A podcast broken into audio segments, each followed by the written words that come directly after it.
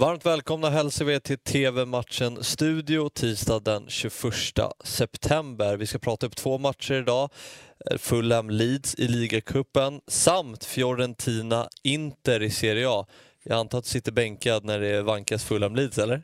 Eh, ja, eller inte. Eller jag sitter ju bänkad men jag har inte den inrattad så kan vi säga. Jag kommer väl att titta på, äh, tittar på en åt gången helt enkelt. Så att det blir ju det blir Fiorentina, inte för mig då istället för Fulham Leeds i den, den så bespottade ligacupen. Alla bara håller på att prata om hela tiden att eh, är den ens värd att ha kvar? Men vi får väl se. Fulham och Leeds får väl visa varför den ska vara kvar och komma ja, komma till spel med, med, med, både rätt inställning och inte för mycket roterat och så bjuda på, på bra underhållning mm. helt enkelt. För det är precis som du säger, det är den tredje rundan av ligacupen men man har inte noterat att den har börjat knappt, känns det som. Men det är ändå en ganska trä intressant tränarkamp här. Det är, ehm, det är eh, Marco Silva mot Bielsa. Mm. Ja, Marco Silva är ju inte någonting man bara buntar ihop sådär och det har han ju visat inledningsvis här också att han har fått så att säga, styrsel på, på fulla, men de har i alla fall eh, inlett eh, säsongen mm, bra. Ligger tvåa, två ja. poäng upp till Bournemouth som tränas av Scott Parker som Fulhams före detta tränare. Så. Mm, mm.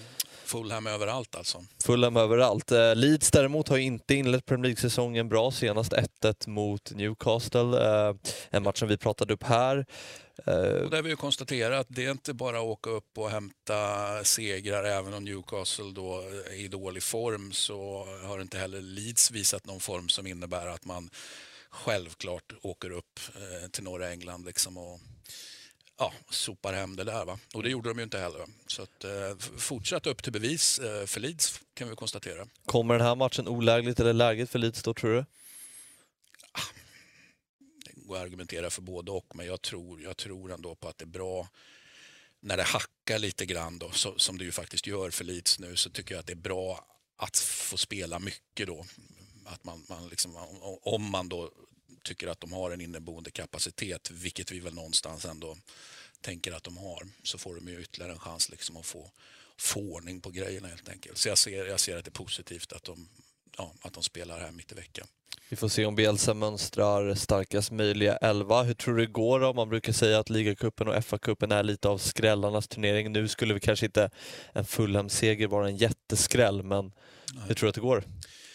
Nej, jag tror väl att eh, Leeds, eh, det här med att nu är det dags att börja skärpa sig, eh, jag tror att de kommer göra det. Jag tror att de eh, eh tar hem segern där helt enkelt. Mm.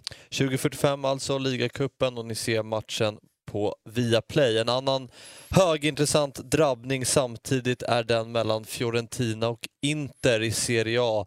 Fiorentina som eh, har haft en stökig sommar. Gattuso skulle bli lagets nya huvudtränare men han avgick efter bara några veckor. Istället kom Vincenzo Italiano in, Spezias före detta tränare som gjorde det bra i Spezia. Är det en tränare som Christian eh, tycker om?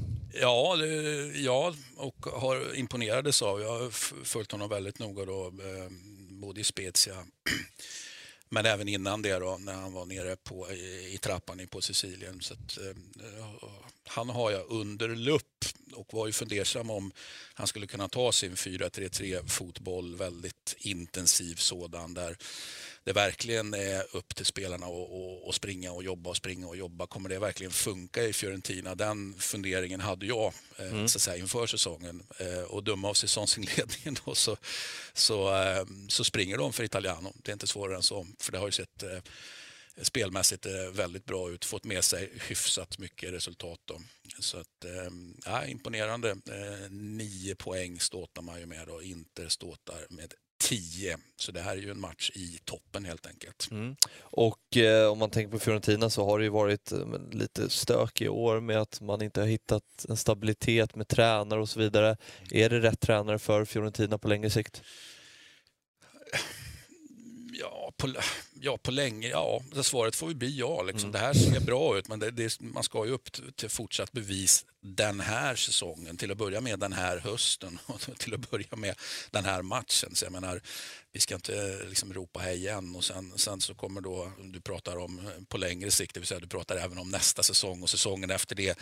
Eh, jag vet inte vad längre sikt är för Fiorentina numera, det känns ja, som tre månader eller längre sikt nästan. Nej, men han är, liksom, Italiano är ju här med ett eh, projekt, ett spelmässigt projekt, är väldigt tydligt. Spelet eh, sitter ju Eh, det har ändå gått ganska kort tid innan han kom. Jag måste säga att det, det, det sitter... Eh, jag trodde inte att det skulle sitta så snabbt, mm. spelet. Sen, om, sen var ju nästa fråga om det skulle vara framgångsrikt. Men nu sitter spelet och alltså, framgångsrikt, det vill säga man tar poäng. Så, att, så att det, det, är bara att vara imponerad av inledningen av Fiorentina. Jag måste nämna lite om Inter också som eh, gjorde en spelmässigt bra prestation mot Real Madrid i den första omgången av Champions League, förlorade dock med 1-0. Eh, vart står de någonstans? Ja, de, eh, i ligan verkar de ju stå bra, va? men det finns ju någonting provocerande i det här att man återigen då eh, schabblar ute i Europa med ny tränare. Man tänkte ju sig att kanske att det skulle vara eh, inte så. Man får en ny tränare, kanske Inzaghi på något sätt gör någonting annorlunda än Conte som ju mm. liksom har sjabblat i Europa flera gånger. Eh, ja, men att döma av Real-matchen så, så är det, det kanske inte är Inzaghi eller Conte som är problemet utan Inter som är problemet. Så jag tycker att det finns något, något provocerande och sen så asfalterar man Bologna liksom när man är tillbaka hemma i ligan. Liksom. Ah, jag blir, eh, jag blir i alla fall irriterad på den typen av beteende. Hur går det ikväll då? Ja, um, det är ju faktiskt en match, alltså Inter är ju favorit för Inter är ju bättre, så är det. Men det finns ju vissa spelare i Fiorentina som är i, i mycket, mycket fin form och, och, fin form, fin målform. Vlahovic, det är väldigt lätt att, att landa i. Så att, eh, det blir också ett test här nu när man ser Vlahovic fortfarande ung att han verkligen kan leverera i matcher då mot, mot eh, som vi brukar säga, de randiga lagen. Eh, I alla fall i Italien, då, där är de klassiska storlagen randiga. Eh, och alltid lite extra svårt att, att leverera mot dem. Mm. Så att, eh, jättehäftigt test för, för Vlahovic. Och för, för Italianos Fiorentina som helhet också såklart. Och utgången? Ja, utgången, jag sa inte var favorit, så att, eh, jag säger ja, men kanske det är så att, det, att Fiorentina ändå kan eh, kriga till. Jag tror inte att man... Alltså det skulle vara jättestarkt om man vann, även om man nu har hemmaplan. Eh, entusiasmen är ju stor, va? så det, det, är ett fint momentum man har. Eh, men, eh, men det vore häftigt om man kunde kriga till sig eh, oavgjort. Så att jag tror också på oavgjort här. Mm. Fiorentina Inter alltså 2045. Ni ser matchen på Simor Fotboll. Tack för att ni tittat. Tv-matchens Studio tillbaka imorgon igen. Hej!